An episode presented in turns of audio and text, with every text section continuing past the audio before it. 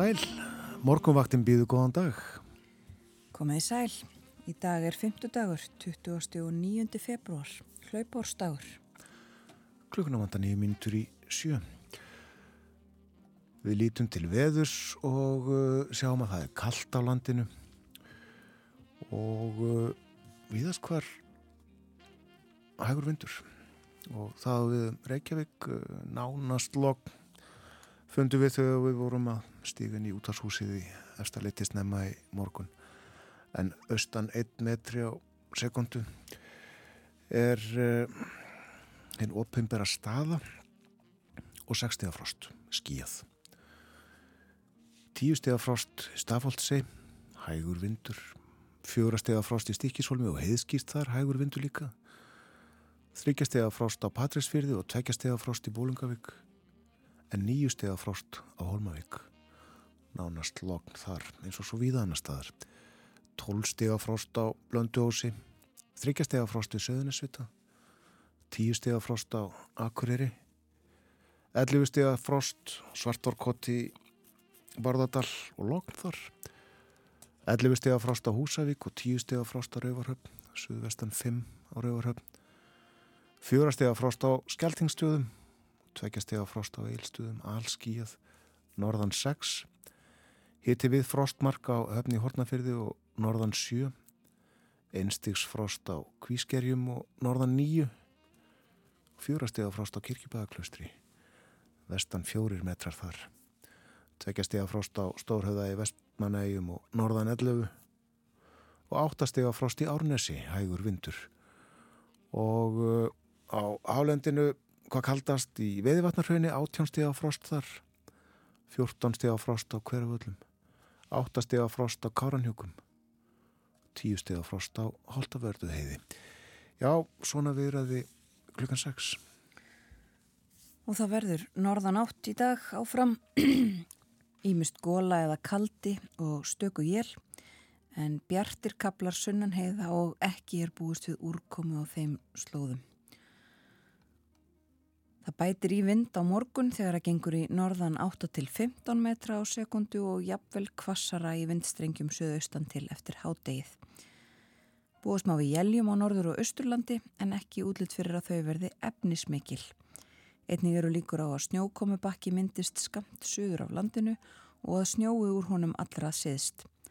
Annar staðar er þurr og bjartur dagur í vændum til dæmis á öllu faksaflóasvæðinu.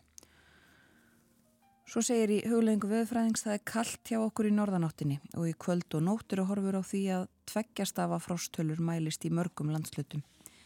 Heldur vægar að frosti við daginn því sólin er orðið nógu hátt á lofti til að gera svolítið gagg til hitunar. Á lögadag er svo gert ráð fyrir hægum vindi og sólríku veðri víða um land, hinn fallegasti vetrardagur í vændum þá og að lokum er tekið fram í hugleggingum veðurfræðings að á Reykjanesi næstu daga er ekki spáð úrkomu og skigni ætti að vera gott. Hvað er hann svo rétt á Reykjanesnu? Mest lítið sínist okkur. Um, ekki, ber ekki á neinu þar, uh, rólegt við sundnúkskíga rauðina en fjörugt við eiturhól segir í fyrirsögn á, á vef Ríkisútursins eftir nóttina frett frá því klukkan 5 eða millir 5 og 6 það var talsverð í arskjálta virkni sem sagt við eitur hól nærri hengli. En e, þetta voru smá skjáltar sem að mældust í nótt við sundnúkskíga rauðina Eldgós engoða síður yfir ofandi. Já og e, gæti hafist með mjög stuttum fyrirvara jafnvel innan hálftíma eins og e, fram hefur komið. Já Nú uh, stefið fyrir uh, vegi landsins er uh, hálka eða hálkublettir. Verðist ekki mikið það var snjóað í nótt, þó er snjóþekja á fjardarheiði og við á héræði en annar staðar engum talaði um hálku eða hálkubletti og jæljagangur á Suðausturlandi. Svona er staðin í gróðun dróttum á vegunum. Nú það er eitt og annað á dasgraf hjá okkur á morgunvaktinni í dag, uh, tal og tónar og uh, fyrsta lag þáttanist hennan morgunin syngur Otis Redding.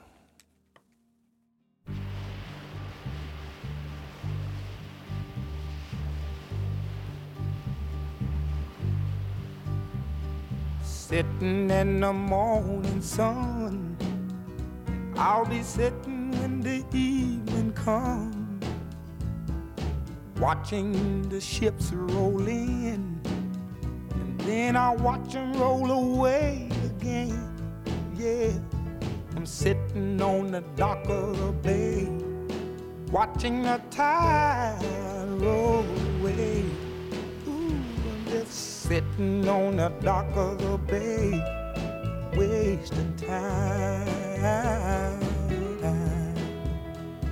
I left my home in Georgia, headed for the Frisco Bay. Cause I've had nothing to live for, and look like nothing's gonna come my way.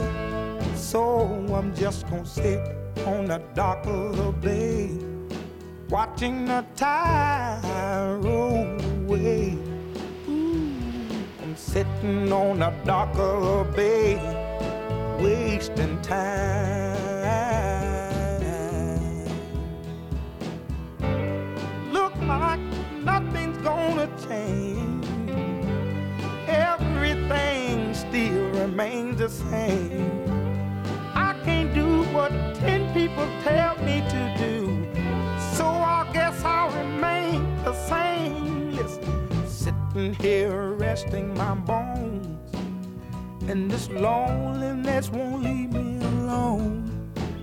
Listen, 2,000 miles I roam just to make this dock my home. Now I'm just gonna sit at the dock of a bay, watching the tide roll away. Sitting on a dock of bay, wasting time.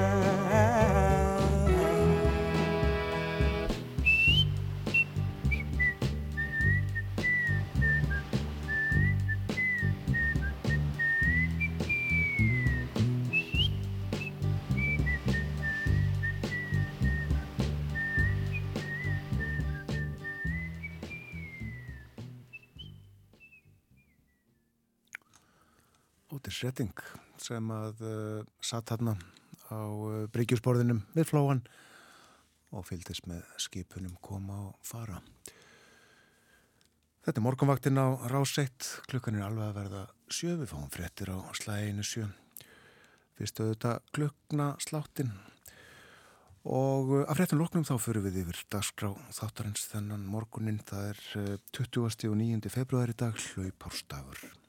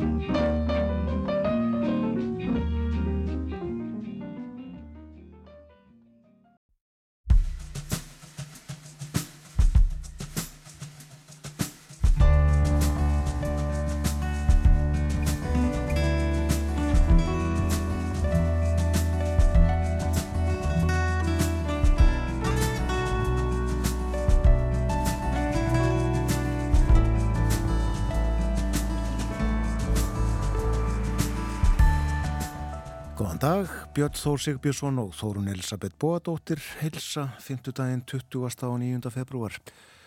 Þessi sérstakki dagur, hlaupárstagur, er runnin upp. Hann skýtur upp kollinum fjóruða hvert ár. Kemur þá utan úr tóminu sem hann annars er í árin þrjú á milli hlaupára. Já, dagurinn er óvenjulegur og þess vegna verður þátturinn óvenjulegur.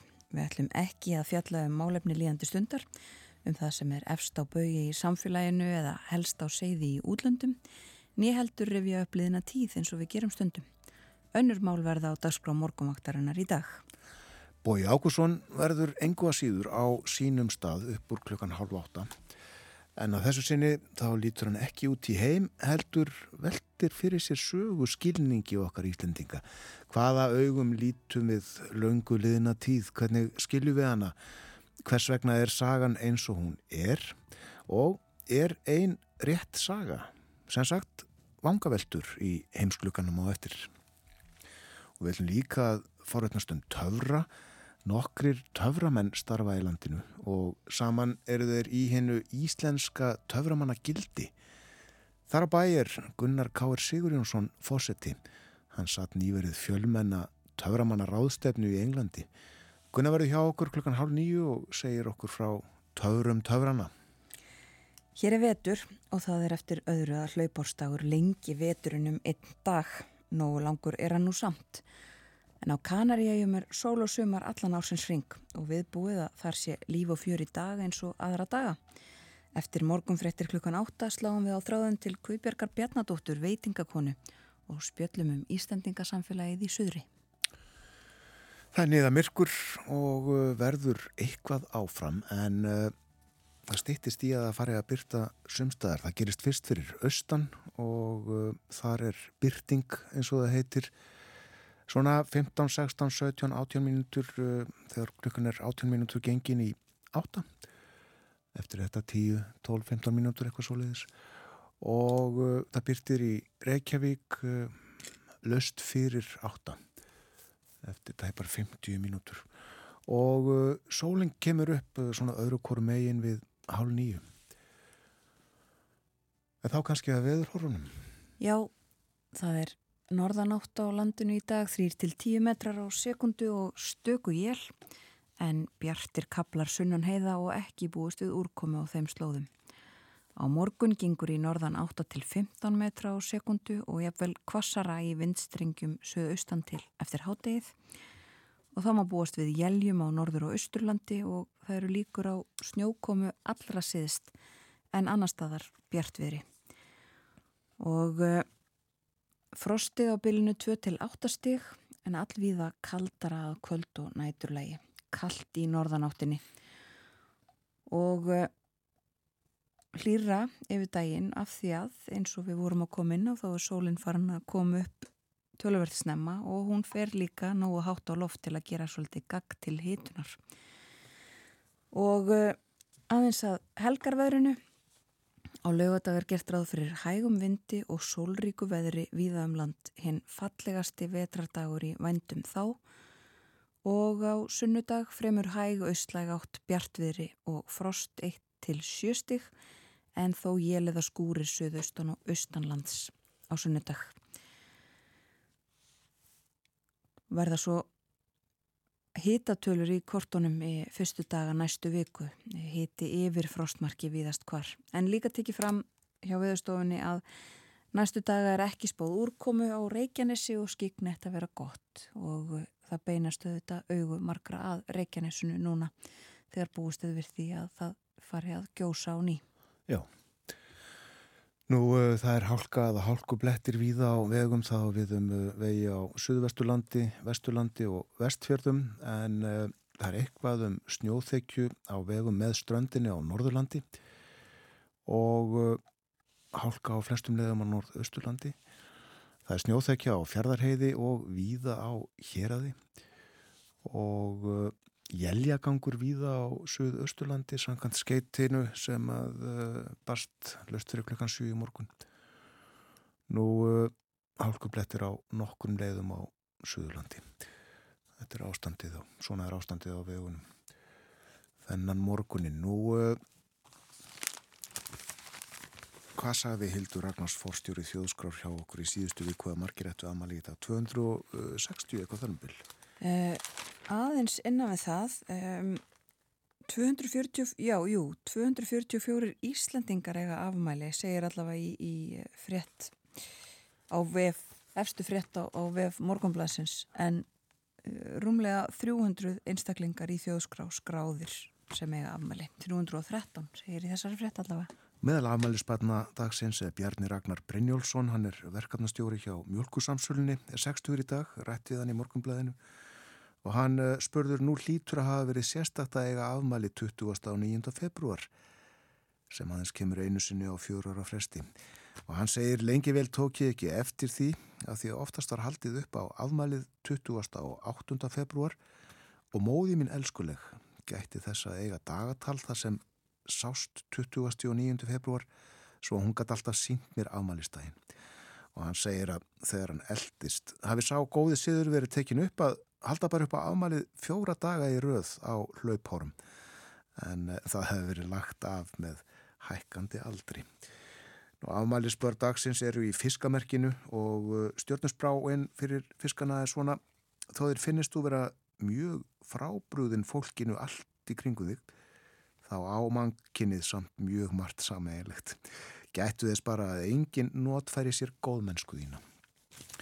Og uh, að lokum að þessari opnu í morgunblæðinu Vísnahotnið sem að Haldur Blöndal sér um hann uh, byrtir hér vísu eftir Ingolf Ómar sem að uh, yrkir um góðuna og uh, tíðina.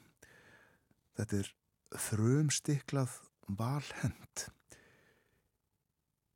geibla sig og greðum spillir góa tíðum vætu söm með vindum þýðum Ylju Jökulsson skrifaði á Facebook fyrir vikunni Í tilefni af hlaupásteginum á fymtudaginn þá voru við nokkur í heitapottinum að ræða hvort ekki var í kjörið að gera 20. og 9. februar að almennum frítegi. Það mætti jáfnvel nóða í hugmynd að einhverju mjög sérstakri hlaupárs hátíð á fjórar fresti.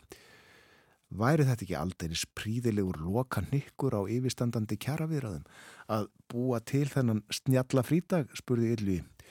Einn frítagur, einn auka frítagur á 5-6 ára fresti því stundum lendur hlaupastáurinn hvort sem er á helgi, já það væri nú ekki mikil fórn fyrir aðtunureikendur. Og ölliti meira um þennan dag, hlaupastag. Já, 20.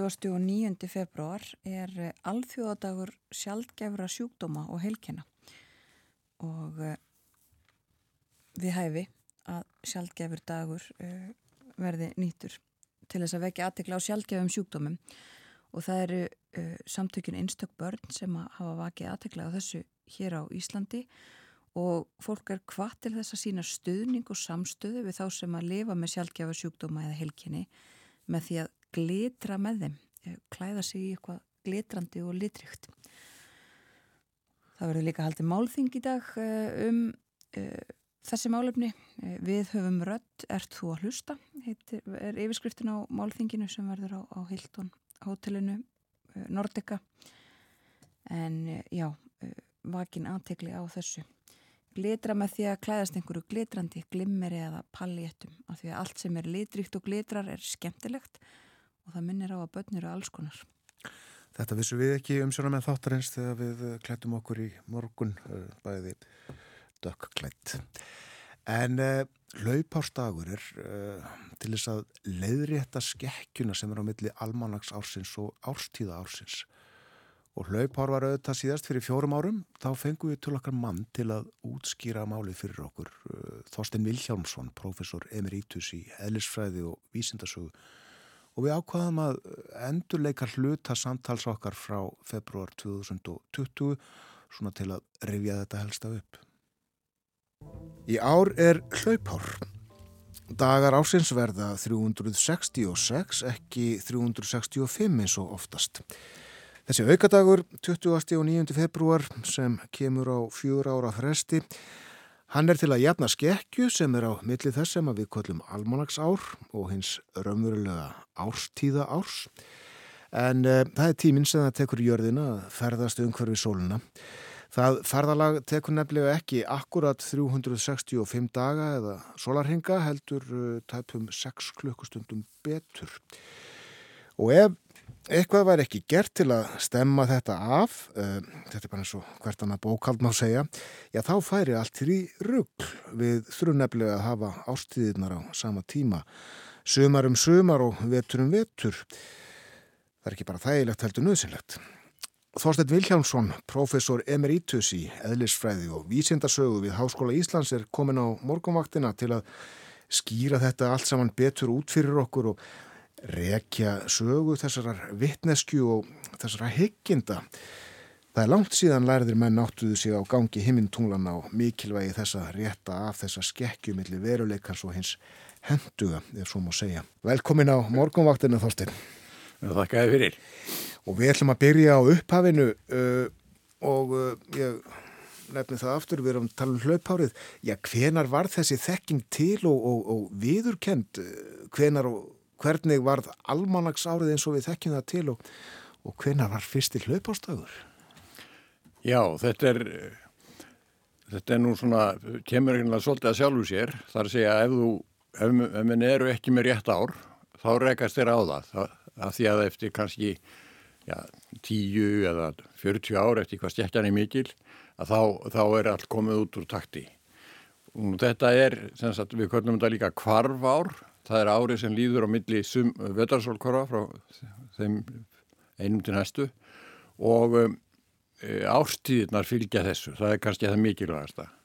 Og an, að, það er góð lýsing á þessi Íslandingabók e, þar sem að menn byrjuðu hér, hér á landi með ár sem var bara 364 dagar og það var enþá meiri stekja í því og þá sagðu þeir að sömrunu munaði aftur, aftur til vorsins. Já út af þessu. Og þá skekkist all, allt sem maður vanur að gera í, í mars eða það, það færist til og, og við erum að gera hlutin á eittlöksum tíma. Það, við erum í komin út úr takt við, við náttúruna, við ástíðinar og það er ekki gott. Nei. til dæmis að sá korni, gerum það okkurum tíma.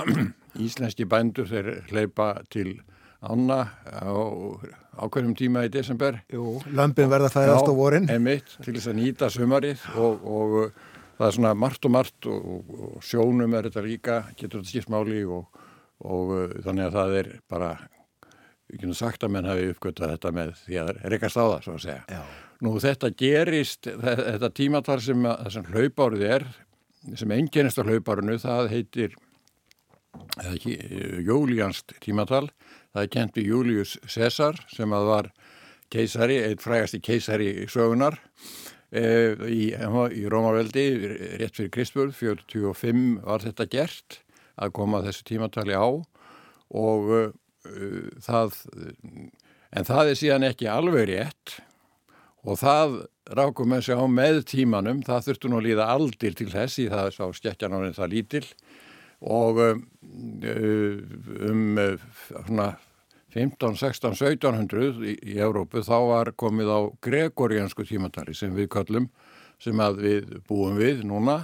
Og það er þannig að það er ekki öll, á, ekki öll ár sem eru deilanlega með fjórum sem eru, eru taupár heldur er sleft um, ártölun sem enda á 100, 200 og 300 og um, en ekki ekki til dæmis árið 2000 var, ekki, var sagt, var löpar Það þarf að, að, að hafa undatenningar frá þessu reglum já, já. til þess að fá betri nálgun mm -hmm. til þess að skekkjan sko, hún, hérna skekkjan sem var komin til dæmis á, á, á þetta, hún var nam 10-15 dögum á þessum tíma sem leið frá því um, frá því César gerði þetta og, og það var neitt betur á því á kirkjuringi um 325 og, og um, það tröflaði menn.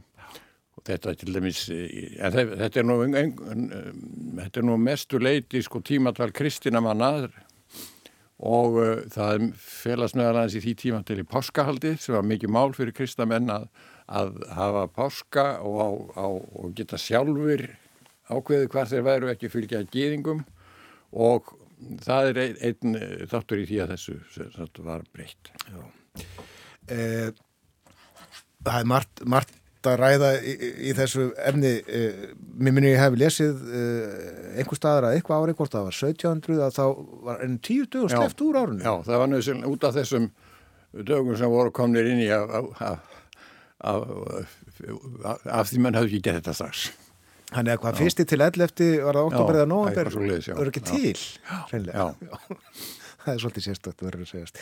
Sko ég uh, þarf að nota tölfur í öllum mínum útreyningum og, og tölvan er, er ung, mjög ung í stóra sammenninginu hvernig fórum henni eiginlega að því að skilja þetta allt og reikna út hann að talsvægt fyrir krist?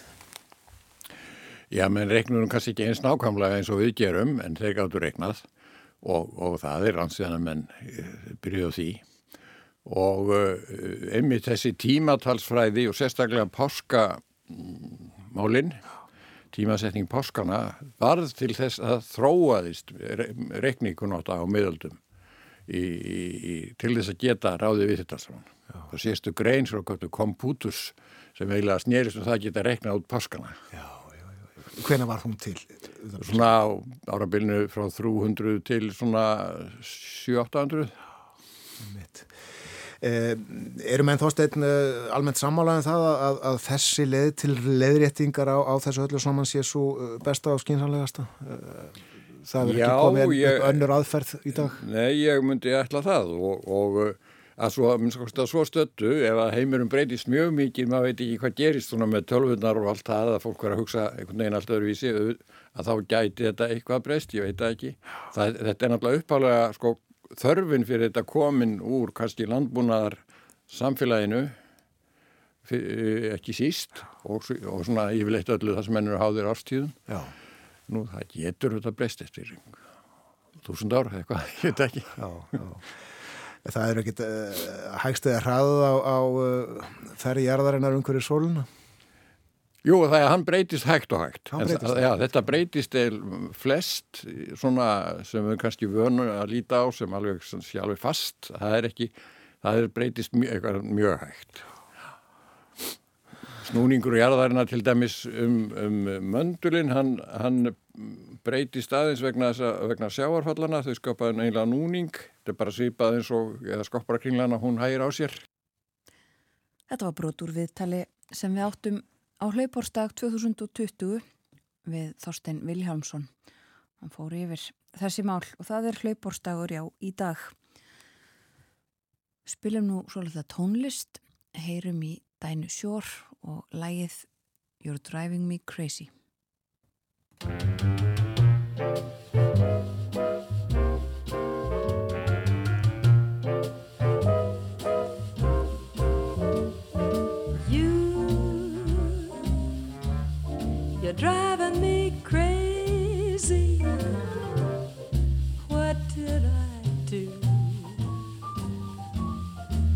Did I do?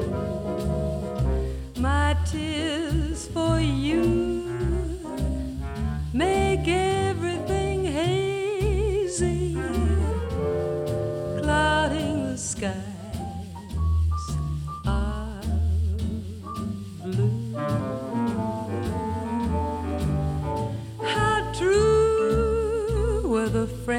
Friends who were near me to cheer me, believe me, they knew.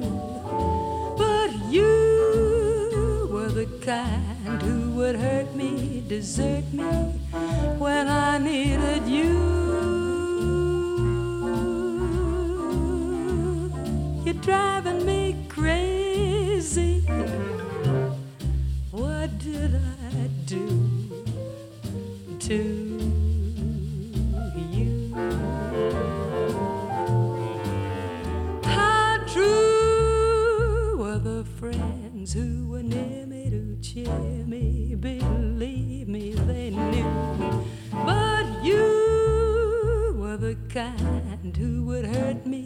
desert me when I needed you. Yes,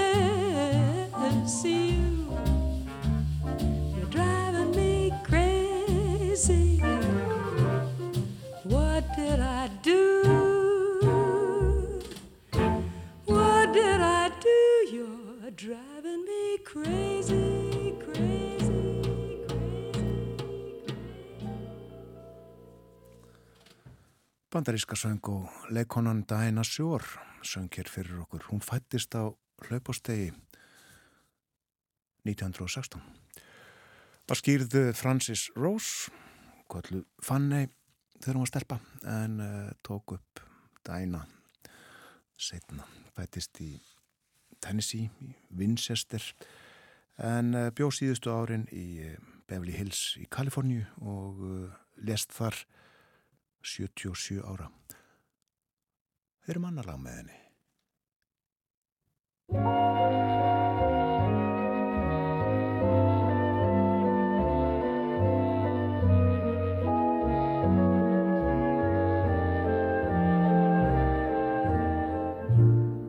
What a day Fortune smiled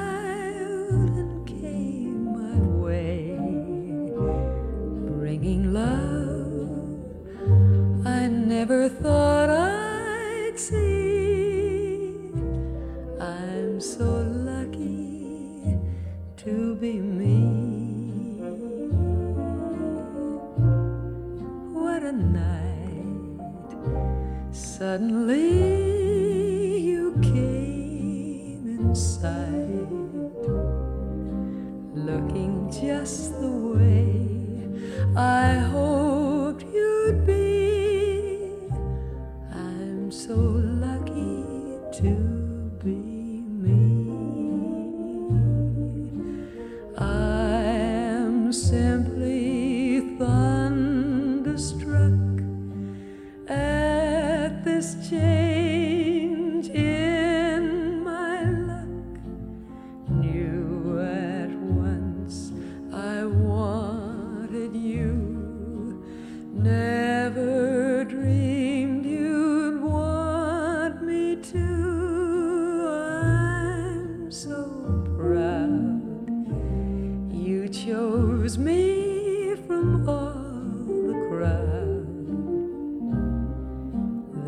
There's no other guy I'd rather see.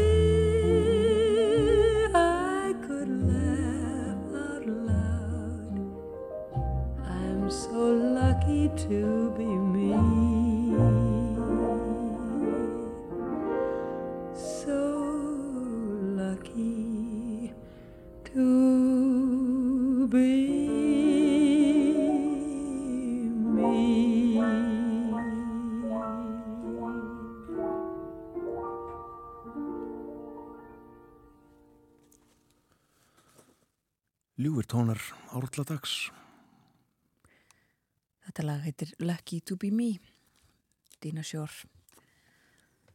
Það líður hefur litið morgunfrétta hjá okkur hér á morgunvaktinni. Að því loknu verður með okkur Bói Ágússon. Hann sest við heimsklukkan en eh, ætlar þú ekki út í heim í dag. Það er svolítið ofinlegur þáttur hjá okkur á morgunvaktinni enda ofinlegu dagur.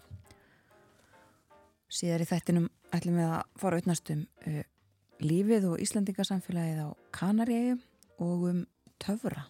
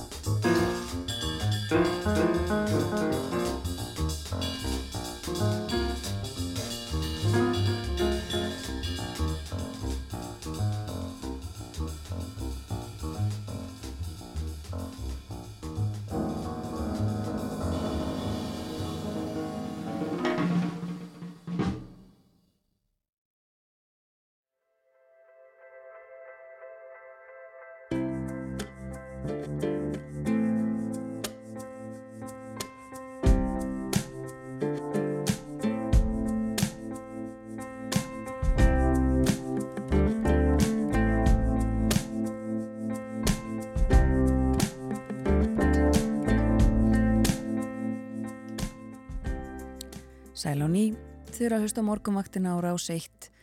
Klukkan orðin liðlega hálf átt á þennan 50 dags morgun. Það er 29. februar í dag, hlaupárstagur.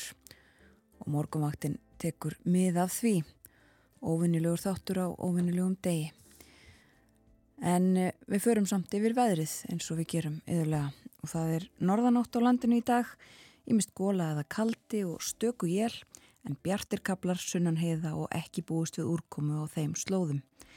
Það bætir í vind á morgun þegar það gengur í norðan 8 til 15 metra á sekundu og jafnvel kvassara í vindstrengjum söðaustan til eftir hádegi. Það má búast við jæljum á norður og austurlandi en ekki útlitt fyrir að þau verði efnismikil. Svo eru líka líkur á því að snjókomubakki myndist skamt söður á landinu og að úr honum snjói allra siðst. Annar staðar er þurr og bjartur dagur í vændum á morgun, til dæmis á öllu faksaflóa svæðinu og uh, það verður líka fallegur vetrardagur á lögardag. Hægur vindur og sólrikt veður víða um land og þó að það sé kallt í norðanáttinni og horfur á því að það verði tveggjastafa frostölur í mörgum landslutum þá er sólinn farin að komast nóga hátt á loft til þess að gera gagd til hitunar yfir daginn. Hér eftir morgunfrettir uh, höldu við söður á bógin uh, og uh, staðnæmumst á Kanaríum úti fyrir ströndum Afríku. Það er Guðbjörg Bjarnadóttir, hún er veitingamadur við ætlum að heyra í henni, ræða við hana um lífið og tilvöruna í sól og hýta. Svo verður hér millir hálf nýju og nýju töframadur. Gunnar K. Sigur Jónsson er töframadur og forseti hins íslenska töframannagildis. Við ætlum að tala við hann um töfra. En uh, nú er klukkan réttliðlega halv átta og Bói Ágúrsson komin í þáttinn sestur við heimsklukkan. En uh, Bói, góðan dag, við ætlum ekki út í heim. Nei, við ætlum kannski aftur í aldir og uh, við hæfi á þessum degi þessum fallega degi eins og uh, hann vilist að vera samkvæmt spám og, og, og, var núna þegar ég var að koma hengað upp í þér það verður ekki sagt hana þetta er mjög fallega dagur. Uh, við ætlum aftur í uh, aldir í Íslandsögunni það verður breyst verulega á undanförnum árum og áratugum jáfnvel skilningur Íslendinga á sin eigin sögu en engu að síður og þá finnst manni mjög oft og maður heyri þetta í hátíðaræðum stjórnmálamanna að þá er eh, ber enþá daldi mikið á þeim skilningi sem að varð á sögu okkar uh, varð til sent á 19. öld og í upphafi 20. aldar í sjálfstæðisbaráttunni um, um það að, að, hérna, að sagan hefði verið, þetta hefði verið gullöld og, og, og hérna e, og maður heyrði þetta enþá í ræðin stjórnmálamanna e, sem sagt og, og ég ætla svona að fara aðeins ofan í þetta mm -hmm. og spila viðtalsbrot sem eru úr þáttum sem að voru gerðið 2018 og hétt Fjöreg þjóðar voru byggðir á uh, miklu ríti líftauglansins sem að koma út uh, árið á undan um og er um utanrikisveslin Íslands, þetta er ílega vestlunarsaga uh, Íslands og þar með Íslands saga og uh, höfundar uh, þarna þeir sem að ég tala við, allt, við voru allt profesor við, við Háskóla Íslands Helgi Þorlóksson allt doktor og professor á Háskóla Íslands, Helgi Þorlóksson, uh, Gísli Gunnarsson og Anna Agnarsdóttir. Gísli er nú látin til miður en uh, hann var í fullu fjöru þegar við rættum við hann á þessum tíma sko. Um, þjóðetnis og romantíkin á, á, á 19. og 20. öld hún varð íllu heilli til þess að upphefja svona það sem að ég kalla þjóðetnis kend, ég vil rembingi eða hróka og uh, þá var lítið á hér innlenda og, og þjóðlega sem æskilegt og jákvægt en, en það sem var erlend væri, væri neikvægt, jáfnvel hættulegt og ókveikjandi þarna komaði upp hugmyndur um ásælni útlendingar, samsæri gegn þjóðinni og uh, hræðslafi útlendingar sem á ættir að rekja að, því að mér finnst til þessar það sem ég vil kalla bara þjóðurnis minnum átt að kenda. Það er ágættis hugtak. Já, út af sig. Mm sko til dæmis í sambandslögunum 1918 þar sem að þar hverður önnur grein á um að Danir skuli njóta samaréttar á Íslandi og Íslandingar og öfugt. Uh, en í umræðu fyrir þá atkvæðagreyslu að þá um sambandslegin og þá töldu sumir að það væri ekki hægt að samþykja þetta atkvæði vegna óta við að Dani myndi fjölmenna til Íslands og taka öll völd. Um, náttúrulega hött þá og síðar. Mm. sambærilega rauksemdir heyrðust uh, fyrir rúmlega 30 árum þegar Íslandika gengur í EES uh, útlendinga getur komið og kiftu Bísland um, og maður heyr oft eru þessar, stutti þessar rauksendir hjá, hjá, hjá mörgum Já. sem ég vil kalla bara óta við, við, við Íslandinga. En hvað hefur uh, skapaði að segja uh, uh, skoðun okkar á sögunni í dag? Já sko, ég, hún er hún, hún er ekkit einlít sko en, en þessi sögurskoðun sem ég er að vísa til hérna hún er engum uh, virðist manni sköpuð af, af skrifum og bókum Jónasar frá Siblu og Jónsjóð Aðils. Uh, þetta er þessi skrifuð kennslubækur sem voru kendar áratugum saman í íslensku skólakerfi. Jónasar frá Siblu sko bara alveg bókinn kemur út veginn sko 1916, 17 eða allavega og svo, ég raunar svo útgáða sem ég var að sá frá 24 og þetta er kent sko, ég veit ekki bara 70 eitthvað sliðis, ég veit ekki, ég er ekki alveg kláraði en sko það má draga þetta saman í því að saga Íslands hafi verið þannig að, að hún byrjaði þegar að eh, frjálsbornir höfðingjarinn Nóri sættu sér ekki við kúuna Haraldar Hálfara og flýðið til Íslands það sem ég sett á stopp fyrirmyndaríki og fyrsta löggefar Þing heims mm. Svo hafi komið gullöld Íslendíka sem hafi lokið þegar Gissur Þorvaldsson Jarl sveig þjóðina í hendur uh, Norris konungs með gamla sáttmála 1262.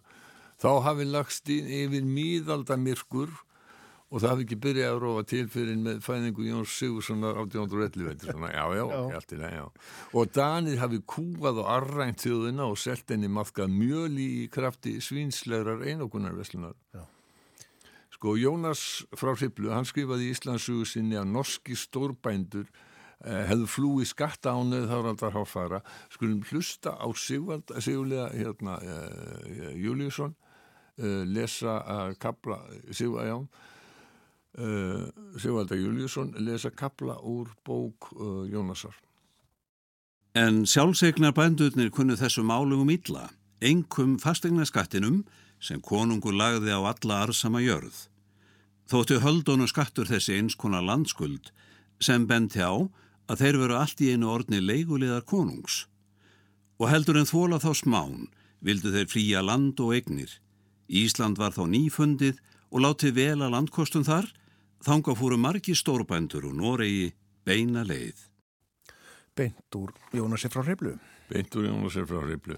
Sko þarna í þessari ímynda þá búin til Gullöld sem var þjóð, þjóðvildisöldin uh, Dr. Helgi Þóllarsson hann skrifar um fyrstu aldir Íslands í þetta ritt uh, sem að ég var að vitna í áðan líftöfulansins og hann telur að þessar skoðanir um þjóðviti séu víðisfjari raunveruleikanum. Hann skrifa meðal annars í vitund margra eru fyrstu aldir Íslandsbyggðar baðaðar í ljóma, landi var óspilt, lofslag gott og fyrirni fræg og hafskipi förum.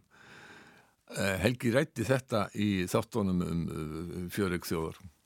Þú segir að hinn mynda gullöld sé að miklu leiti tilbúningur frá því um 1900 og sagan, þetta er mín orð, sé kannski meira hluti af sjálfstæðisbaróttunni hafi snúist um að skapa ímynd eh, og láta staðrindir ekkert flækast fyrir sér. Já, já, þetta er þekkt fyrirbrið, þetta kemur upp á 19. öll þegar að ímsum Þetta er í hug að ágæðinur hópar fólks séu þjóðir með sín sérkenni og sín hagsmunamál og eigi að vera sjálfstæðar og um, þá vantar þar einhverja fyrirmyndir, kvartningu og þær finna yfirleitt fyrirmyndir og kvartningu í fortíðinni það er uppgöta gullaldir. Þetta er markvöldur einsla margra þjóða. Þetta er ekki séríslitt Þetta er ekki séríslitt fyrirbriði, nei. Menn bara leitað gullaldin og finna hana. Og Íslandika fundu sína gullöld og það voru hún að heima tökja það sem voru Íslandikasögur sem að virtust benda mjög eindreið til þess að Íslandikar hefðu skarað fram úr ímsjóleiti þeir áttu sín skip og, og sildum höfin og, og bönguð upp á hjá konungum og var fagnað við það Sko Helgi Þólásson hann eh, segir einnig að það hafi verið lítið um utanrikiðsviðskipti eh, öfugtið þá ímynd sem að maður geti fengið sko, það, það hafi verið einhverjum stund af sjálfslutar búskapur og vestlun hafi einhverjum verið stundu til þess að fullnægja þarfum kirkjunar og stórgóðana aðal útflutningurinn hafi verið vaðmál, fiskur, fari ekki að skipta málinn fyrir miða 14. 1330 1340 og aðal viðskiptalöndin hafi verið Nóriður og Skosku eigarnar Hjalland og, og, og, og Orknæjar Helga finnast ekki líklega kenningarna sem við heyrðum í Íslandsugu Jónasar frá Hriblu að landnemar hafi verið stórbændur. En þessi hugmyndu um sko að hver einasti landnámsmaður hafi átt glæsilegt skip, svona af gokkstaðgerð, þekkja gokkstaðskipið í Oslo, eh, hún er nú ekki samfærandi sko því þetta er náttúrulega dýr skip og við erum þá að gera ráð fyrir því að þetta verið miklir efnamenn sem almennt voru landnemar á Íslandi og það verður að teljast heldur ólíklegt eða hvað? Já, það er náttúrulega hluti þessari glæsi mynd en akkur hefðu efnamenni Nóri átt að setja þetta á Íslandi, ég veit það ekki alveg sko, við gerum frekar áð fyrir því að það veri þeir sem að stóðu höllum fæti einhverju leiti sem áttu ekki jarnæði næstelstu sínir eða ungir sínir sem að komi svo við á, á Suðurauðum og fengu sér konfang þar og fóru til Íslands. Þetta er svona myndin sem við höfum núna gróðan dráttum Helgi Þólagsson. Og oft er sagt og lengi hefur verið að eh, Danir hafi verið vondir við okkur. Já, það er rétt. Og ekki síst er einoguna vestlun talin til eh, dæmis um það. Sko, mínum að þetta voru dönsk stjórnvöld ekkert verið við Íslandinga en fólk í öðrum hlutum Danaveldis. Eh, einoguna vestlun, hún var ekki sett á til þess að arræna Íslandika sérstaklega. Hún, þetta er hluti af merkantilisma eða kaupaðugi stefnu sem var mjög tísku á þessum tíma. Já. Uh, Jóhanna Þótt Guðmustóttir sakfræðingur uh, hún skrifar á vísindavifinum þessa ímynd einogunar veslunarinnar og nú vitna ég til hennar hún er hún á rætur að rekja til þjóðverðnislegra sagnaritunar sem spratt upp úr sjálfstæðisbarottinni í lók 19. aldar og fyrir hluta 20. aldar þar sem dönum var kent um flest sem aflaga fór á Íslandi má þar nefna sem helsta fulltrú á þjóðverðnis hugmyndasakfræðingin Jón Jóð Aðils og Íslandsögu Jónasar Jónssonar frá Hriblu sem kent var í barnaskólinn hér á landi allt fram á síðustu ára og 10-20. aldar. Þessi sögurskoðun var við líði langt fram eftir 20. öld en er nú á miklu undanhaldi eh, tilvitnum líkur í það sem að Jóhanna skrifaði. Þetta er á vísindavefinn það sem að hún er að svara spurningunni seldu Danur Íslandingum maðka mjöl minni mig.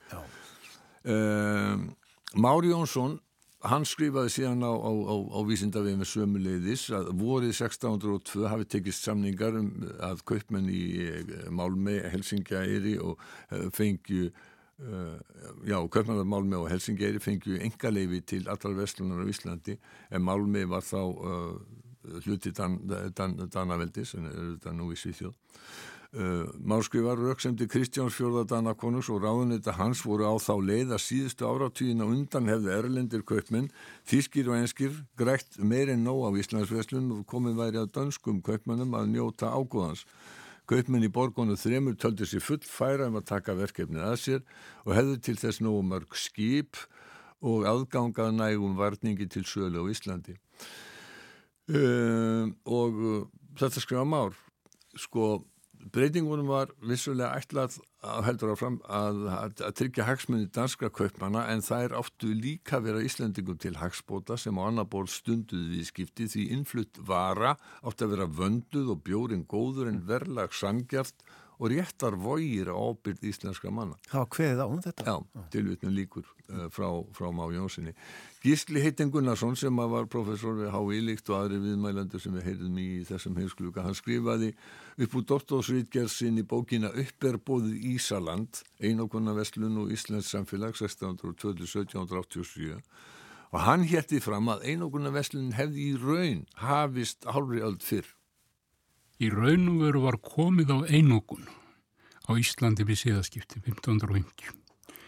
Þegar Danakonungur hafði hug á því að veita dönskum kaupmönnum allt Ísland ferðu ekki skipa kostið þess svo hann greip til Þískaraborga í staðin og á sittni hluta átjánd við 16. aldar þá e, seldan hamburgarmönnum, engum hamburgarmönnum þegar þeir komu brímur um burt E, einu konar rétt á íslenskum höfnum og þar að leiðandi það sem gerir 1602 er ekki annað en það að hann tekur einugólanleifin frá Hamburgerkaupmannunum og setti þar í hendur uh, danskra kaupmanna í Kaupmannahafn, í Helsingæri og Malmö.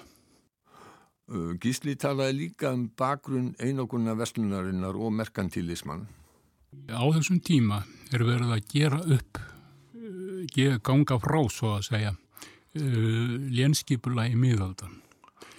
Það táknar að og helstu stuðnismenn konunga við það voru borgarbúar, engum ríkir borgarbúar og svo embættismenn hans, því embættismennavaldi var mjög vaksandi. Og einogunaveslunin gerði það verkum að það eru til þjóðuríki. Nei, hérna merkantilismin gerði það verkum að það var skapað þjóðuríki. Þjóðuríki sem hefur það fyrir markmið að þar er þið allar mæleiningar eins, ein mynd í landinu, uh, sams fullkomin frjálsveslun innan þjóðuríkisins. Nú var allt anaveldi að einni held, frjálst innan þess, nema auðvitað að konungur gætt veitt ákvönum kaupmönum enga lefi að vestla á ákvönum útskíkum eins og Íslandi. Já, um, þetta er sem sagt var Gísli Gunnarsson, doktor Gísli Gunnarsson sem að nú er látin, að hann held því líka fram að stóra bóla 1707 hafi verið miklu meira efnahagslegt áfall en móðuharðindin eftir 1783 eh, og þetta kom fram þegar við vorum í þessum þáttum að ræða af hverju fiskveidar hefðu dreyist saman á fyrir hluta átjándu aldar. Stóra bóla gekk hér yfir 1707-1708. Það er talið að 25% Íslendinga hafi dáið í stóru bólu. En þetta var ekki hvaða fólk sem var. Þetta var ekki fátækir, premuru ríkir.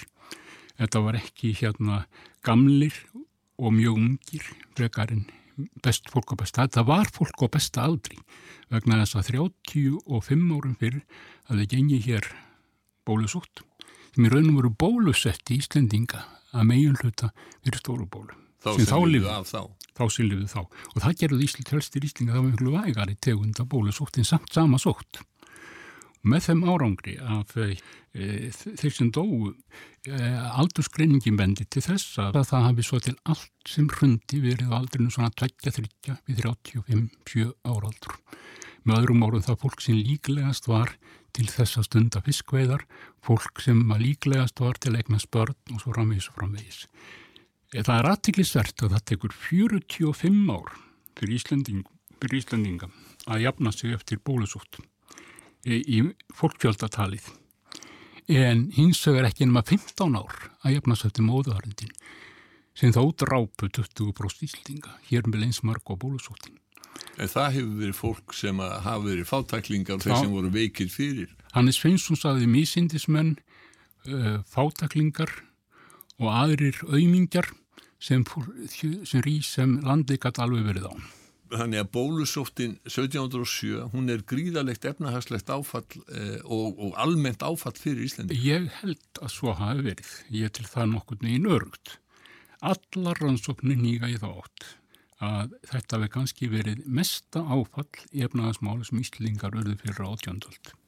Meir en móðan. Hannes Finnsson sem að Gísli var að vitna hana til var, var, hérna, var Skálhórsbiskup sem að skrifaði mert rít sem að kannski sem að segja sig eitt fyrsta sakræði rítið um, sem að heitir því uppbyggilega nafni mannfækkun af Hallarum. Já, hann uh, talaði ekki undir rós.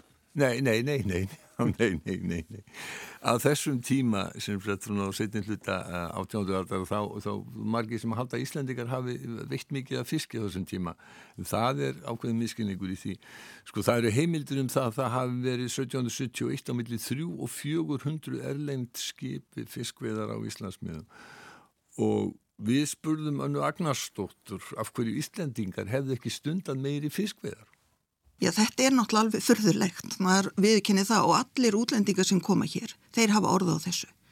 Og ástæðan er svo sem Gísli Gunnarsson setti fram í doktorsveikir sinni og ég held að allir séu sammála, það er það að það var þetta keppni, samkeppni um vinna og mennins Ólafur Stefensen og aðrir, þarna landegenda stjettin, hún vildi sko binda vinnufólkið við landið og að vísu var þeim hleyft við og við út á árabátum að veiða smottir í en ekkert í líkingu það sem útlenda þjóðir voru að móka upp hér við strendur.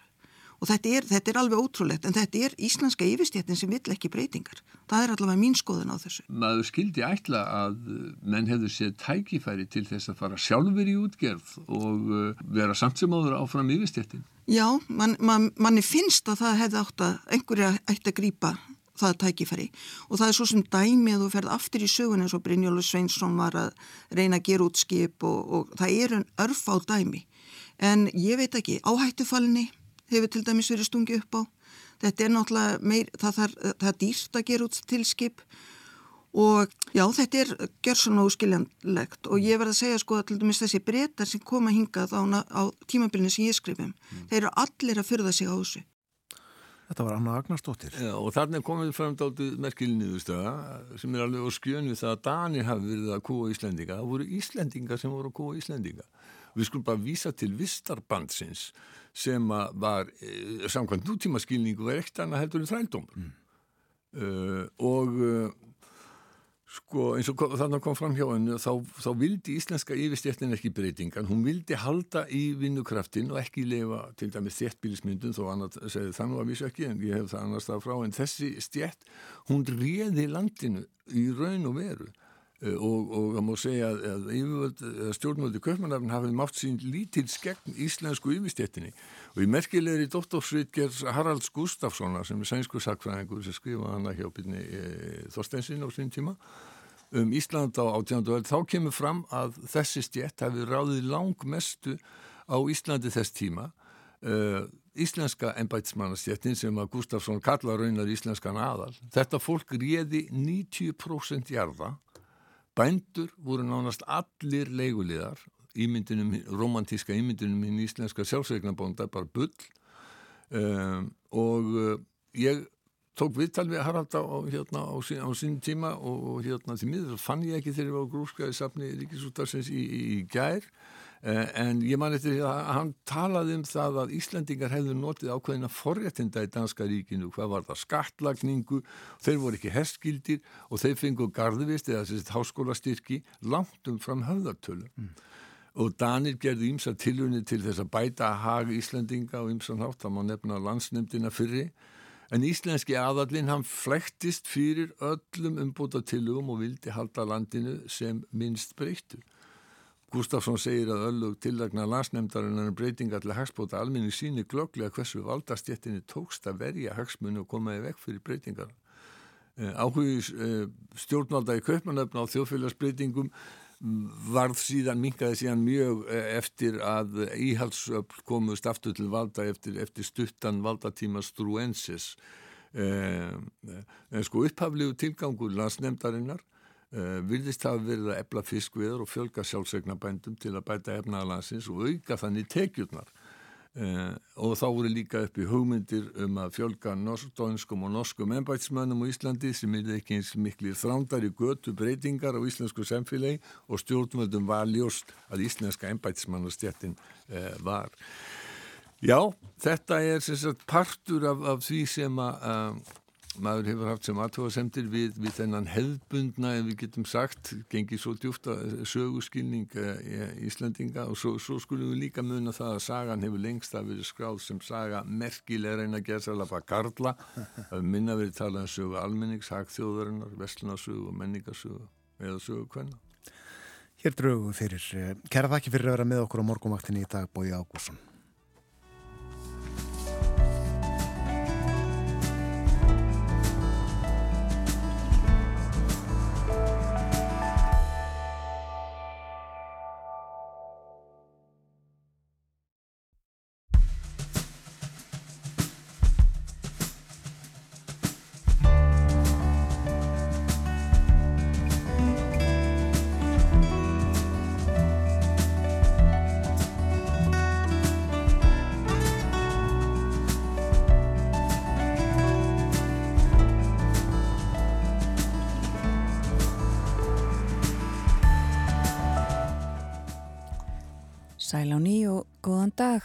Sem voruð að vakna.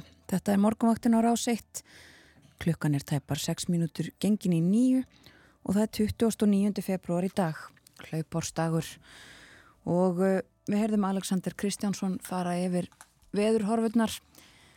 Það eru fallegir dagar víða um landið en það er kallt og uh, jafnvel tveggjastaga stiga stafa afsakið frost tölur í kortunum uh, á kvöldin og nóttunni sérstaklega. Og uh, mörgum þykir veturinn alveg nógu langur þó ekki bætist við þessi auka dagur í dag. En uh, á Kanaríum þar er alltaf sól og sumar. Eða meir og minna. Og við ætlum að forvitnast næstu mínuturnar um lífið og tilvöruna þar. Í símanum hjá okkur er Guðburg Bjarnadóttir. Hún er veitingahúsa eigandi uh, á Gran Canaria á Mas Palomas. Kontur sæl og góðan dag Góðan daginn Ég nefndi það hérna áðan að það er frost um allt Ísland uh, hvernig er veðri hjá þér núna í morgunsárið? Herðu, það er svona rétt undir 20 gráðunum og sólinn komin upp og bara lítur út sem að vera góða dagur. Já. Flesti dagar eru hér. Eins, Heiskipt og næs. einmitt. Já, eins og flestir dagar eru á Kanari Já. Hvað hérna, hvað ert þú búin að vera lengi á Kanari? Ég er búin að vera svona meir og minna síðan höstið 2019. Já. Við hérna ætlum að býða á okkur COVID-19 fræga hérna vorið 2020 og þá fekk ég fljótlega þennan restaurant í fangið og ég er búin að vera meira minna hérna maðurinn minn er heima allt mikið meira sumar, allt sumarið og þannig að við sk- skiptum svolítið á, með þetta. Já. Já, en svona veitingahúsarekstur náttúrulega þýðir það að maður þarf að vera mikið á staðnum. Já, já, já, já, hleypur ekki til burtu frá þessu. Nei. Þú segir að það hefði komið svona, ef þú hefði fengið það í fangið, hvernig, hvernig atvökaðist það að þú fórst að reyka veitingastað á, á Kanaríum? Hefur verið í þessum bransa hér á Íslandi líka? Nei, ekki það er sem margir aðrir bara að vinna á börunum og nætturnar og styrst um að daginn. Já.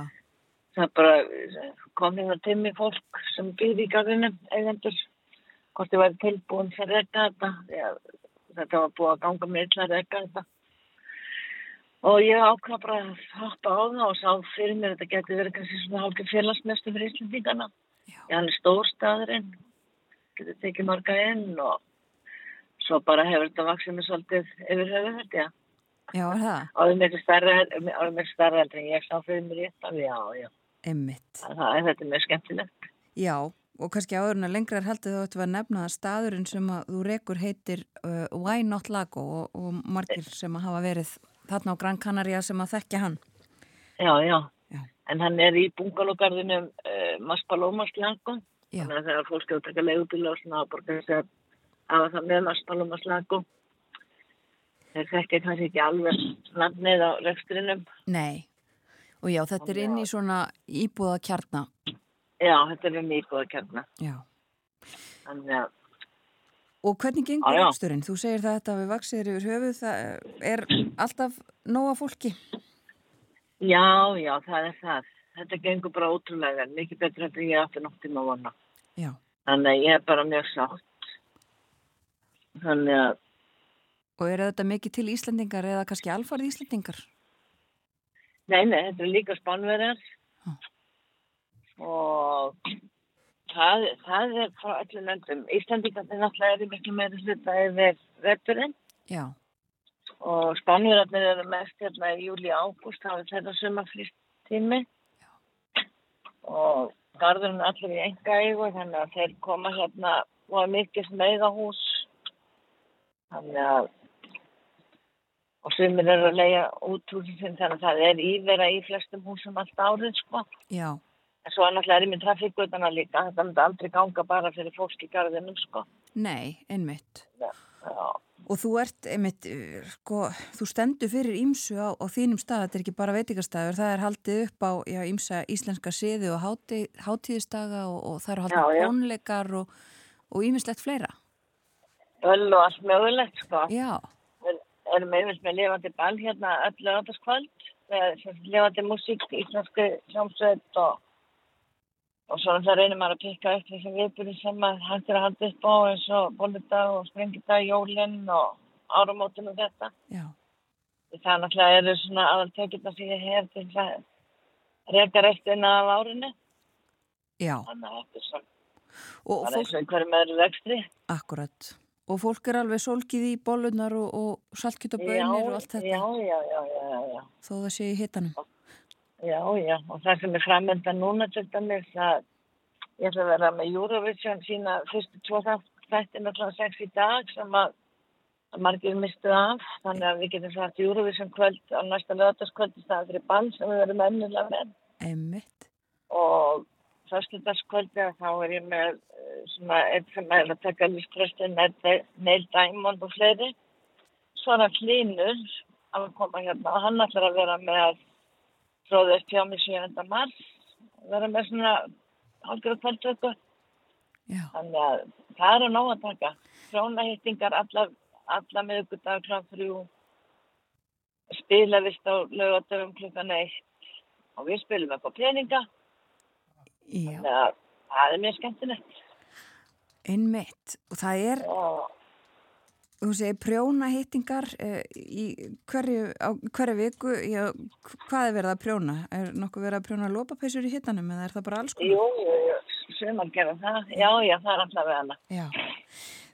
Er milli heimis og jarðar einmitt. Og maður heyrir það að það er ímislegt á, á segði hjá þér og sem að fólk reynilega Íslandingar taka vel í og, já, já, og, og mæta á og það er heilmikið samfélag Íslandinga á uh, Kanari og uh, já. hvað, veistu eða getur þú slegið eitthvað á það hvað þetta eru margir Íslandingar sem að, sem að þarna eru? sko, mér heyrðist þetta vera svona pluss mínus 3000 Íslandingar Já, Eh, það er alltaf mikið aukast. Þetta setur fólki, fólki vera átt að sjá því að það er mi- mikið aukin lífsgæði að geta eitt veturinn með það það kemst út úr húsi, það er óvægt að fara út að lappa það er allir bara fangilsheim á Íslandi sko, tala ekki um eldri, borgarar og, og auðvitað sem að eru kannski mjög viðkvæmir fyrir því að detta og annað, brotna og þannig að þetta er mikil aukin lífsgæði fyrir stóra nákvæm fólki. Já, Það geta verið þegar veturinn. við tala nú ekki um að vakna í björtu. Það segir nú bara ekki annað. Ha. Akkurat. Og Já, alltaf dimmnótt. já, einmitt. Það er líka kostur. Já, já, það er það. Já, en eh, sko, er mikil, mikil líf meðal fólks og mikil stemning í þessu samfélagi? Já, mjög mikil. Já. Mjög mikil. Fólk, fólk hérna er mjög döglegt að gera, fara og vera með í öllu sem að það dúkar upp að gera. Já. Alls konar ferðir og vestlur og bæði hjá mér, hjá Íslandingafélaginu, hjá ferðarskjöfstofunum og yfirleitt megum við sem erum hér lengri tíma, erum ekki að við á ferðarskjöfstofuna, við megum oft kaupa okkur inn í ferðarna hjá ferðarskjöfstofunum Já. En þú getur verið að fullu hér alla daga, alla vikuna, alla mánuðin ef þú vilt, sko. Einmitt, það var einmitt það sem ég langaði að spyrja það. Væri hægt að gera eitthvað á hverjum einasta degi í, í félagskap? Já, og en svo er mikill miskilningur þetta séu bara eldri borgarar hérna. Það er mikið ungu fólki sem kemur og það er rosa mikið sem hægt að gera hérna fyrir barnafjölskyldur, alls konar garðar og söfn og dóp sem hægt að fara að skoða.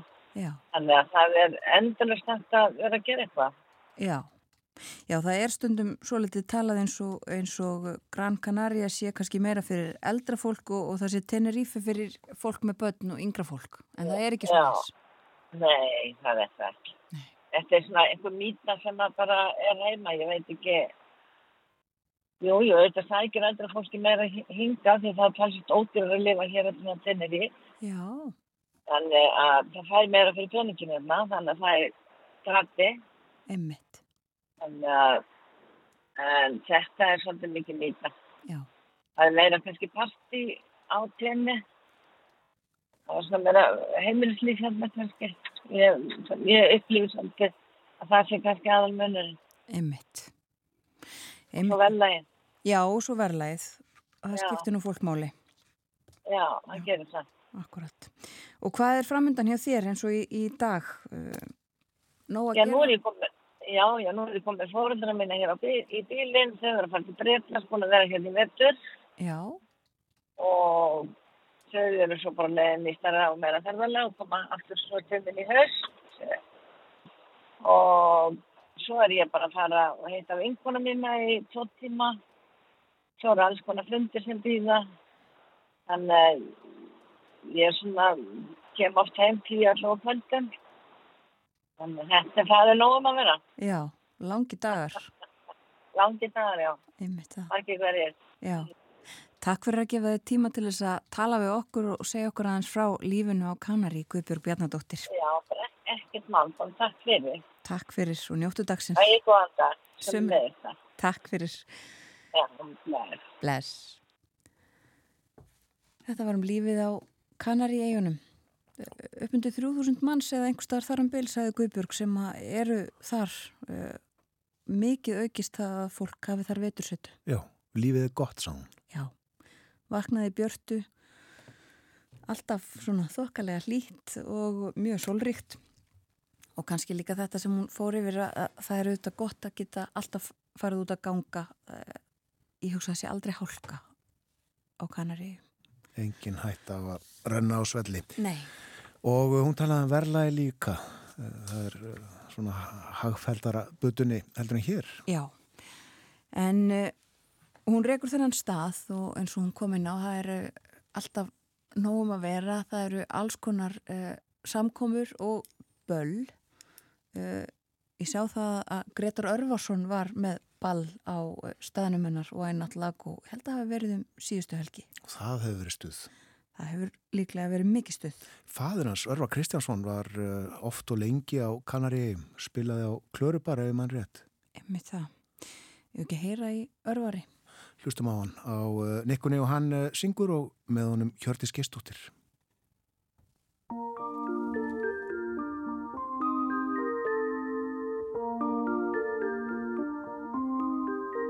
Sunnan vindur, svaraðu mér, segðu mér hvaðan þú kemur og fer. Taktu mig með, ég hverfa við hérðan, hvíslaði eira mér og svið á meðan vindur. Hvar er hún nú, hvar er hún stúlkan sem var mér svo trú, viltu finna hana fyrir mig, sunnan vindur ég eldi þig.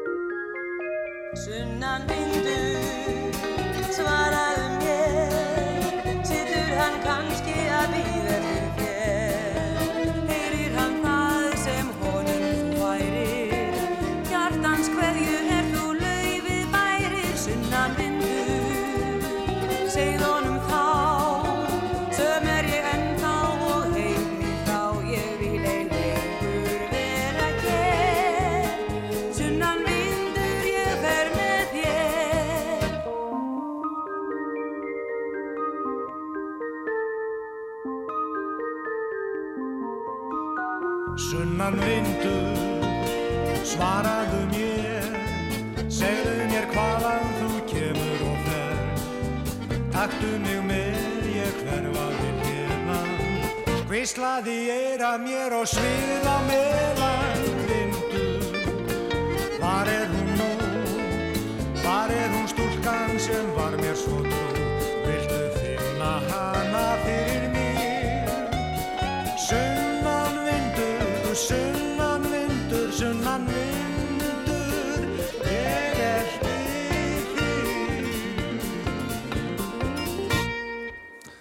Sunnanvindur, Örvar Kristjánsson og Hjördís er lent, Jón Sigursson gerði þennan íslenska texta. Ég veit ekki hvernig þetta kom fyrst út á íslensku, um, gíska á uh, kannski 8. 9. áratug síðustu aldar, en uh, upphaflega útgáfan uh, þessi Erlenda, hún er frá 1954 og hefur ekki að heyra hana. Gerum það.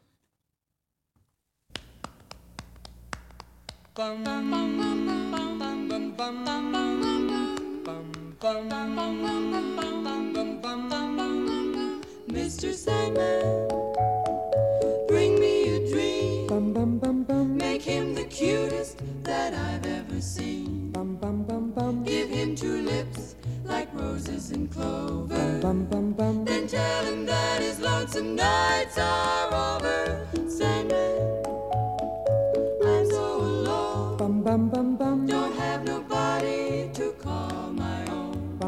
bum. Please turn on your magic beam, Mr. Sandman, bring me a dream. Bum bum bum bum bum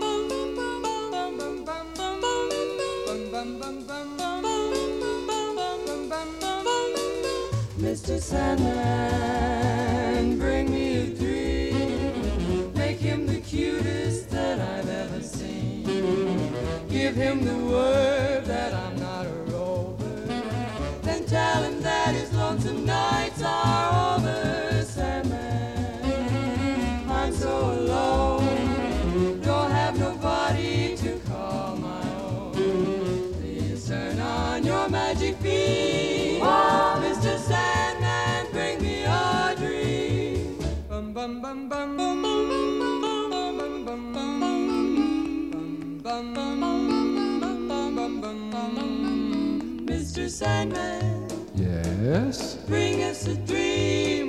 pair of eyes with a come hither gleam.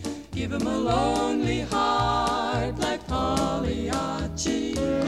And lots of wavy hair like Liberace.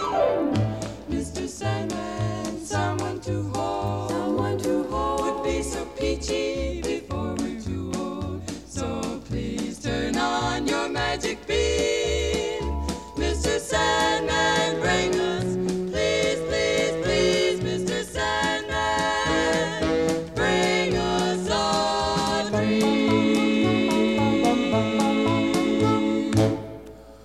Mr. Sandman, The Cordettes, söngkópurinn flutti. Það tekið að byrta við uh, fögnum því og uh, verður bjart uh, svona fram yfir sjú kvöld sínist okkur og það líður að því, gerist nú ekki alveg strax en líður að því að við vöknum í björtu. Það er 29. februar hlaupástagur, ég ætla að hafa yfir aftur það sem ég las hér í morgun af Facebook síðu Ylluga Jökulssonar sem að fyrri vikunni skrifaði í tilefnið af hlaupásteginum á fymtudaginn voru við nokkur í heitapottinum að ræða hvort ekki var í kjörið að gera 20. og 9. februar að almennum frídegi. Það mætti jafnvel hnoða í hugmynd að einhverju mjög sérstakri hlaupás hátíð á fjör ára fresti. Væri þetta ekki aldeilis príðilegur loka nikkur á yfirstandandi kjaraviðraðum að búa til þennan snjalla frítag? Einn auka frítagur á 5-6 ára fresti, því stundum lendir hlaupástáurinn hvort sem er á helgi, já, það væri nú ekki mikil fórn fyrir atvinnureikendur. Það stýttist í fréttaðiflitið hjá okkur, eftir það verður með okkur töframæður. Já, við leiðum okkur svolítið kærleysi og jáfnvel skemmtileg heitt, undarleg heitt mögulega á morgunvaktinni á hlaupástegi Gunnar Káur Sigurjónsson, töframaður og forseti hins íslenska töframanna gildis er komin í hús með hattinn sinn síndist mér, spurningin er eru kannur í honum? Gunnar verður með okkur á eftir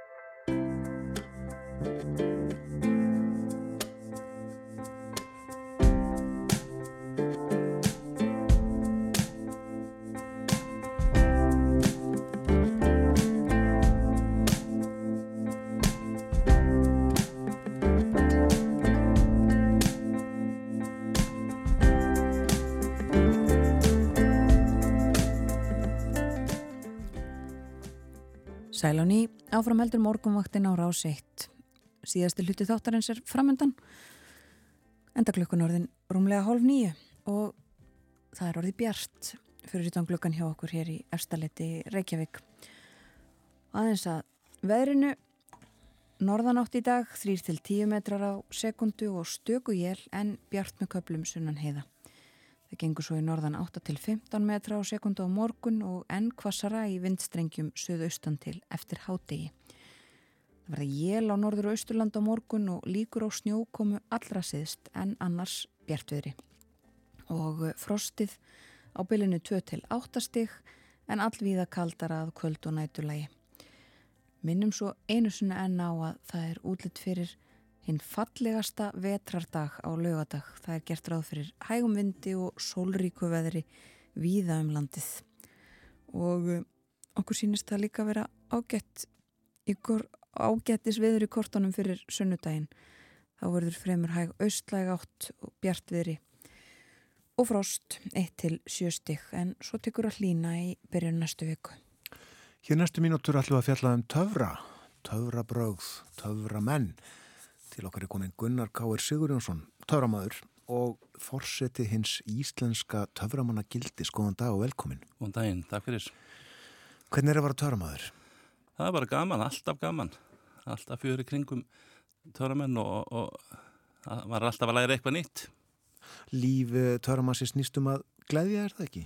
Jú, það er sko meira um það að glæðja og hafa gaman að lífinu heldur en að vera að blekja og, og, og svekja.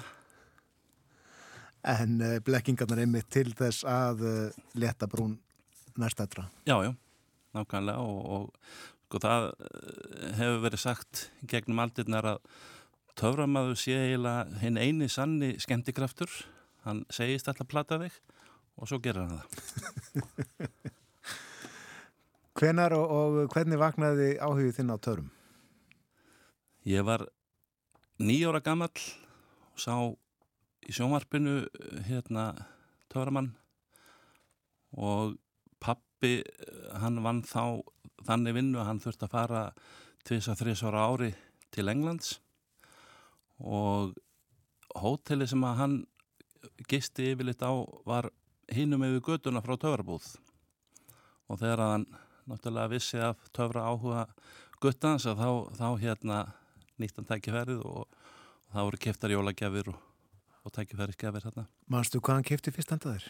Það var svona tiltölega stóri minningunni svartur pappakassi uh, með fullt af töfrabröðum svona magic set eins og það kallaði með einsku. Já, og við þetta dundaði þú þér?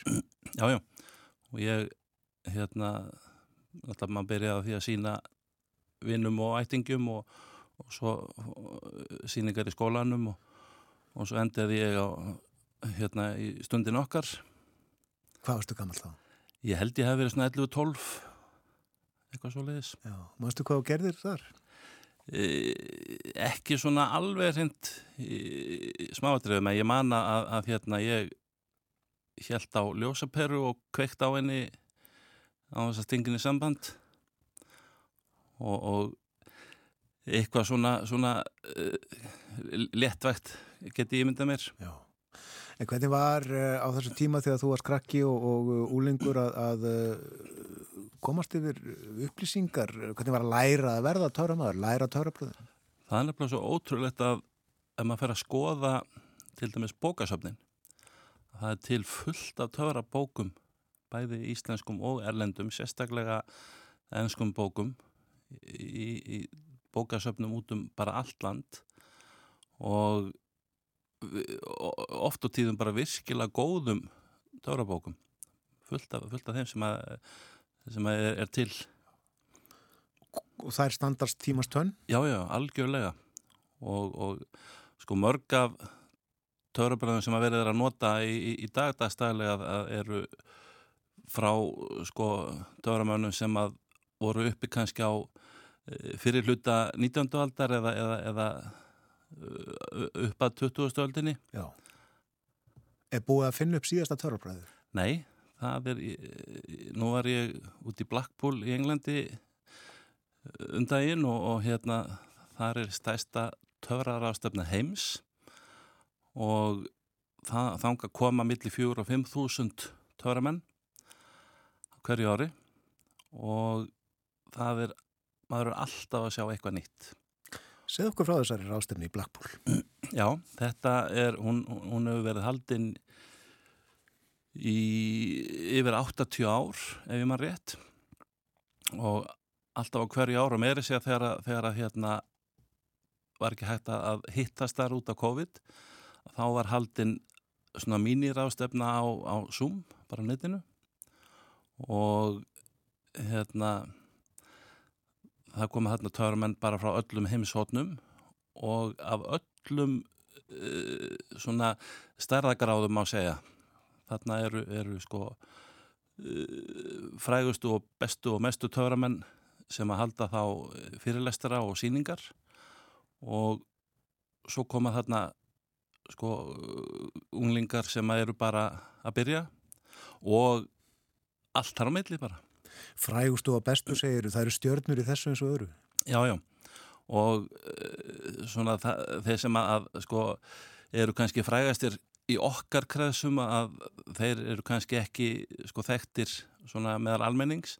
En það er margir sem að, sem að þekkja til Penn og Teller til dæmis sem hafa verið með sjónvarsætti Fúlös heita þeir núna. Komið, komið á, á tíundu þáttaröð. Og núna út í Blackpool þá var töframann sem heitir Mac King.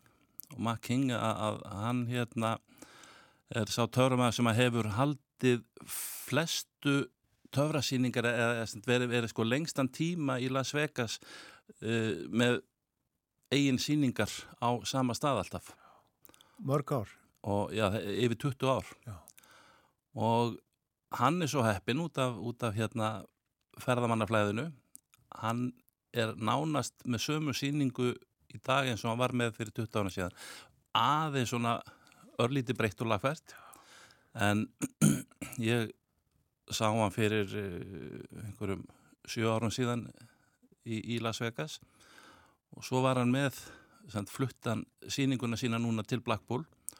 Og þetta var sama síningin alveg bara frá aðtilögu en mun almátu hvað var gaman að sjá þetta aftur og, og hérna og í raun og veru að sjá sko hvað síningi breytist með öðrum áhórvendum það var, hann til dæmis fyrir konu upp á svið sem að, hún hefði farið aðeins og snemma á barinn þetta kvöld og hann átti mestu vandræði með hana.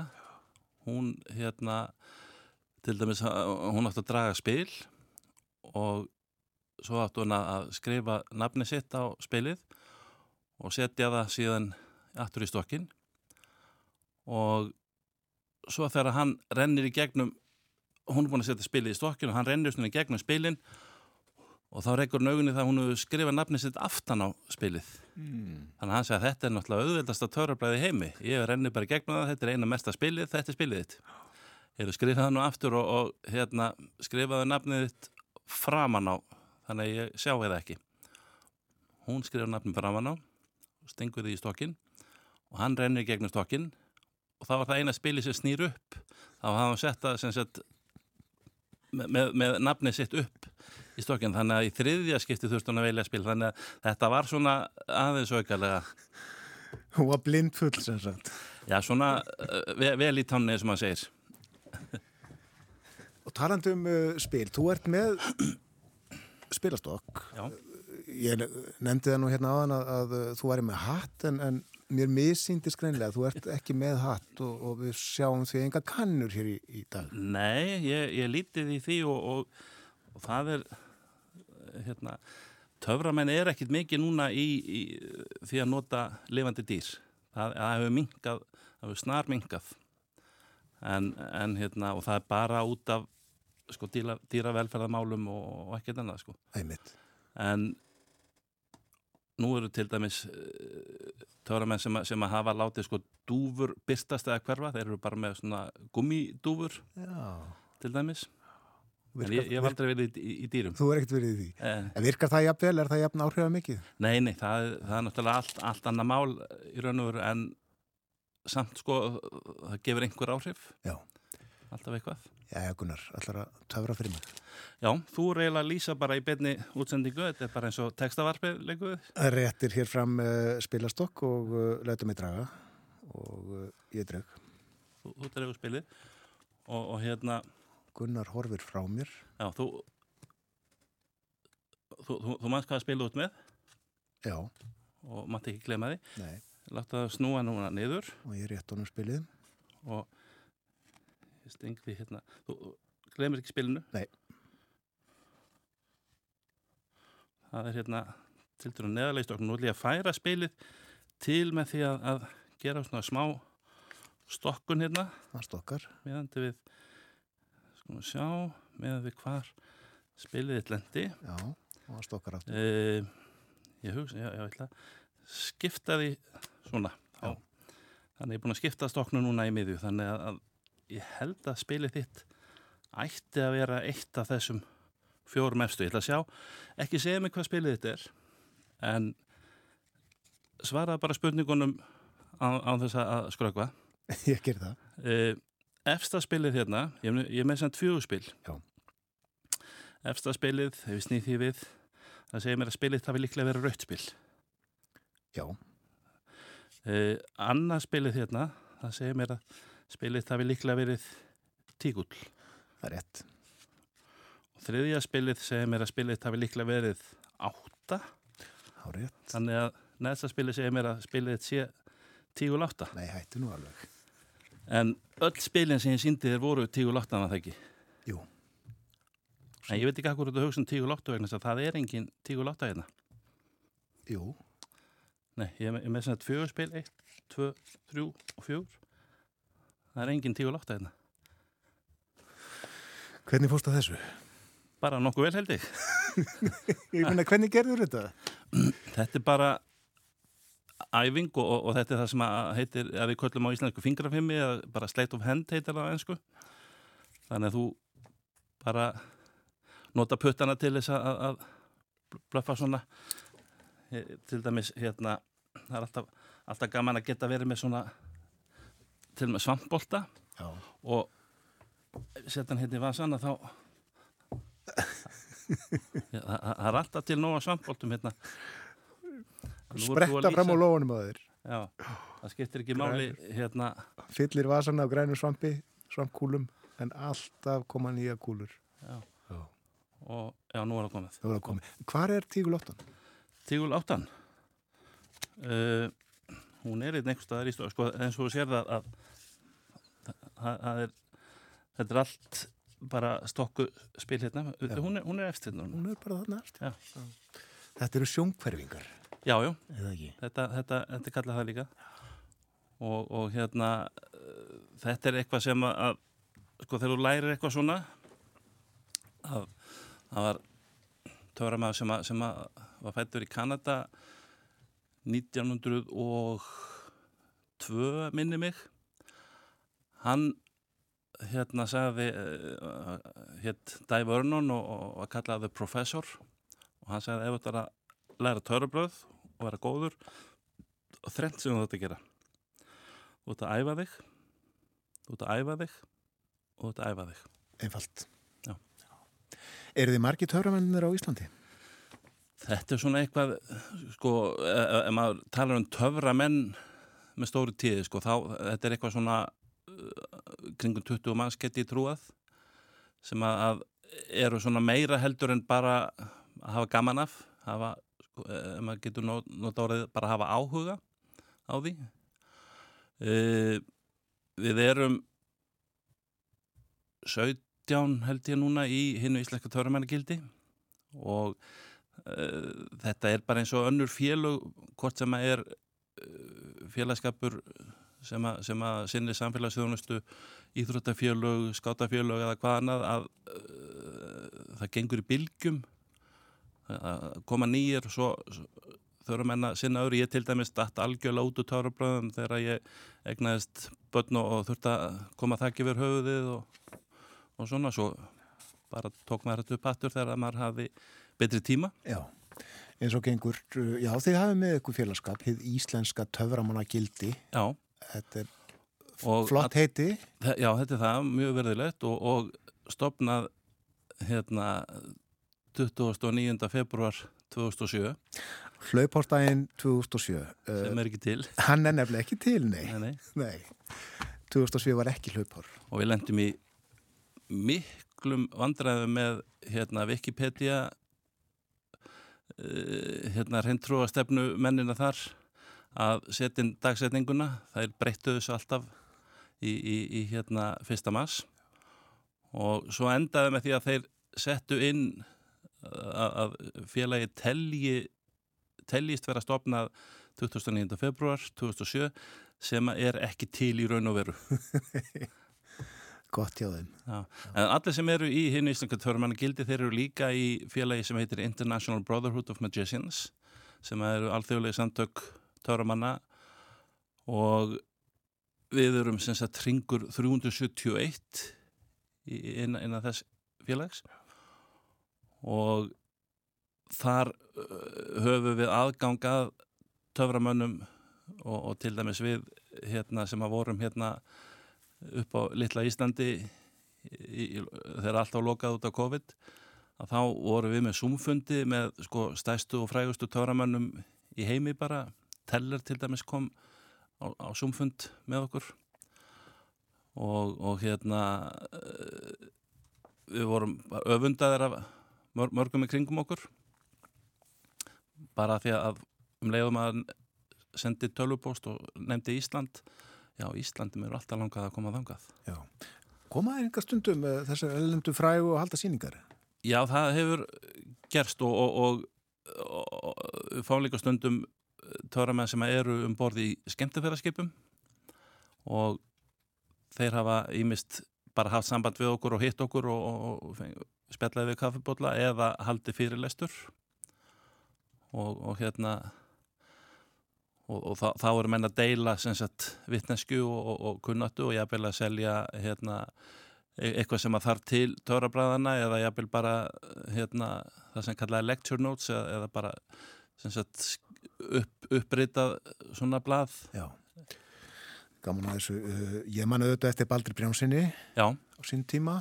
hann er heiðusfélagi í, í hinn íslensku törmænagildi og Jón Adalbjörn Bjarnason ljósmyndari frá Ísafærið sem var með ljósmyndastóð Kópó og Slengivil, hann er líka heiðusfélagi hann var töframaðurinn á vestfjörðum hérna á árum áður.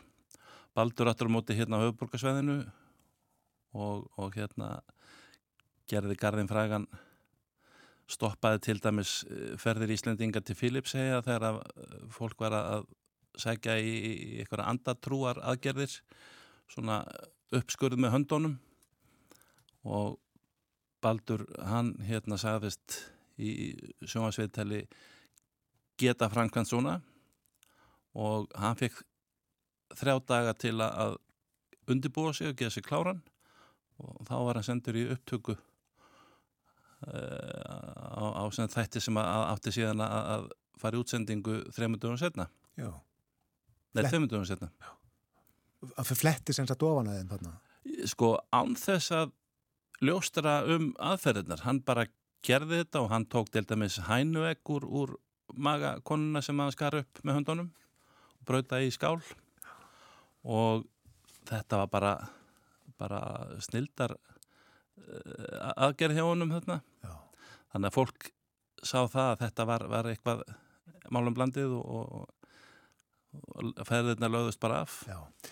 Svo manni eftir Skara Skrýbó að uh, saga konur í sundur í sjónvarpinu. Já, og hann var með síningu í loftkastalun hérna einu sinni og það, það er eiginlega varðan svona holdgerðist hann endanlega held ég og, og, og hérna Selma Björns var þarna og, og Eva Marja, ef ég maður rétt Já.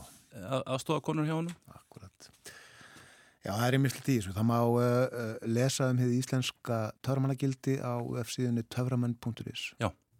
og hefði íslenska törmennagildi það er í raun og veru opið fyrir alla sem að hafa áhuga á törabræðan þú þarft ekki að vera uh, hérna einhver, einhver uh, flinkur að færa töramæður til þess að gangi félagið Akkurat, nó bara að uh, vilja njóta já, já, og, og svo, svo læra, læra menn alltaf eitthvað af hinnum. Þakkaði fyrir að koma í þáttinn og vera með okkur spjallaðan töfra og töfrabröð Gunnar Káur Sigur Jónsson. Takk, mín var ánæg.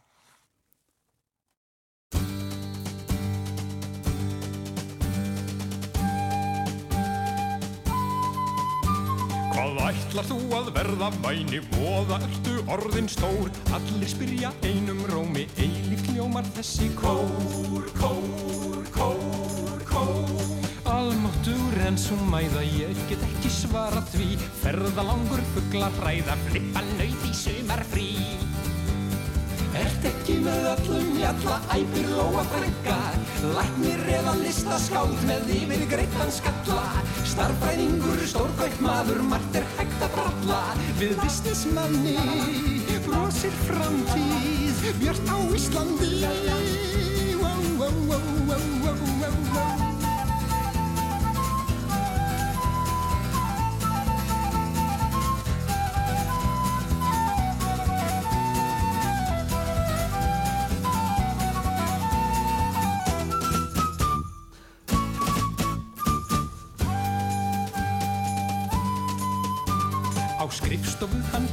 vinnur, skömmin er svo líkur mér. Í eftirvinn og nætur vinnu er hann var í huga mér. Sextán tímar. Í blóðbankanum vinnur mamma og kvöldin er hún oft svo þreytt. Þegar ég er orðin stór þá ætli ég ekki að gera neitt Erst ekki með öllum jalla Ætur lóa frænka Læknir eða listaskáld með yfir greittan skalla. Starfræðingur, stórkvöld maður, margt er hægt að bralla. Við businessmanni, brosir framtíð Björn á Íslandi.